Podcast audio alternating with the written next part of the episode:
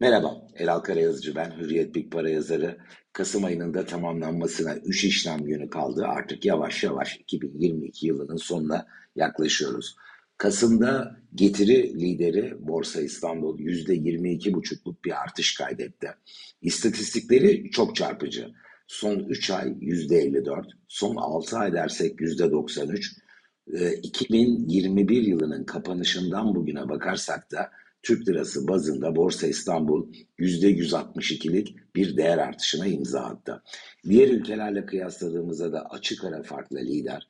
Dünya borsaları 2022'de ortalama %17 kadar e, kayıptalar dolar bazında. En iyi performansa imza atan benim izlediğim endeksler içinde Şili %11,5 dolar bazı kaydettiği getiri. E, MSCI Türkiye endeksinde ise yükseliş dolar bazında %80 çok büyük bir farkla BIST 2022'de de lider durumda. Sadece Kasım ayı diye bakarsak yine lider ama bu kez dünya borsalarının da katıldığı bir hareket var. Şimdi burada hareketin ana besin kaynağı elbette bireysel yatırımcıların borsaya ilgisinin artan bir hızla devam etmesi. Son 4 aydır e, bunu belirgin şekilde görüyoruz ve bu BIST 100 endeksini 260 dolara kadar taşıdı. Devam eder mi? Devam etme ihtimali var ama tek senaryo değil. E, eğer önümüzdeki haftalarda biz Borsa İstanbul'da bu coşkulu yükselişin devam ettiğine şahit olursak ve 295 dolar teknik analizde ilgili olanların çok önem verdiği bir formasyon hedefi olarak gördüğü seviye. O seviye test edilecek olursa tahmin ediyorum Aralık ayının içinde biz güçlü bir iyimser karamsar kavgasına sahne olabiliriz ve o noktada e, karamsar olanların, satıcı cenahta saf tutacak olanların bir baskınlığıyla da karşılaşmamız mümkün. Şimdi genelde bireysel yatırımcılar son 3 ay, 6 ay, 1 yıllık istatistiklere bakıyorlar ve herhangi bir finansal enstrüman nasıl bir ivmenin içindeyse ilerleyen süreçte de bu şekilde devam edeceğini düşünüyorlar. Bu yanıltıcı.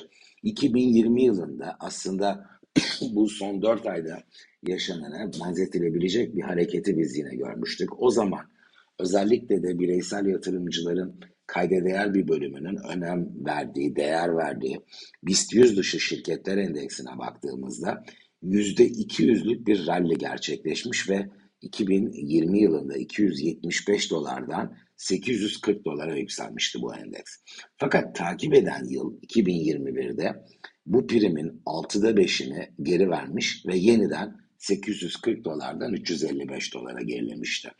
Ee, var olan hareketin hele de böyle tempolu bir şekilde devam edecek olursa bir %15 kadar daha artışı takiben bu ölçüde olmasa da yine ters yönde bir ara akıma sahne olmasa bence dikkate alınması gereken bir risk. Ee, buna e, dem vurarak e, bu kısmı noktalamış olalım.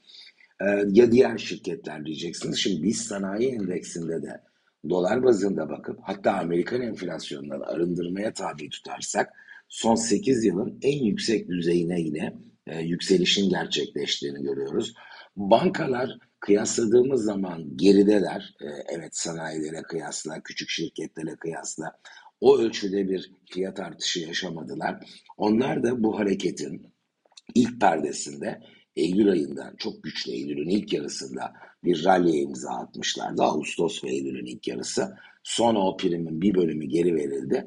Ama Türk bankaları da şu anda e, ucuz fiyatla işlem görüyor demek yanıltıcı olabilir. Daha normal sayabileceğimiz fiyatlarla işlem görüyorlar ve onlarda da en büyük tehdit regülasyonla e, ilgili hep e, yapılan düzenlemelerin bankacılık sektöründeki karlarda neden olabileceği tahribat değerlendiriliyor. O yüzden bir kıyaslama yapıldığında e, belki o pahalılık yarışmasında görece makul değerde olarak öne çıkabilirler. Ama henüz şartlar banka hisse senedi yatırımı için çok destekleyici diyebilir miyiz? Bundan emin değilim ama önümüzdeki haftalarda banka hisselerinde ortalama %15 kadar bir kayıp olursa e, ben e, ön plana çıkabileceklerini düşünüyorum.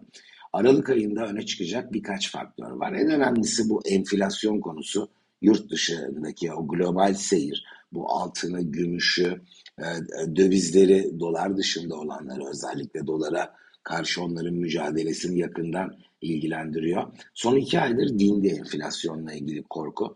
Teyit edici verilerle karşılaştıkça piyasa bu yurt dışındaki olumlu tonun e, sürmesi bence daha olası.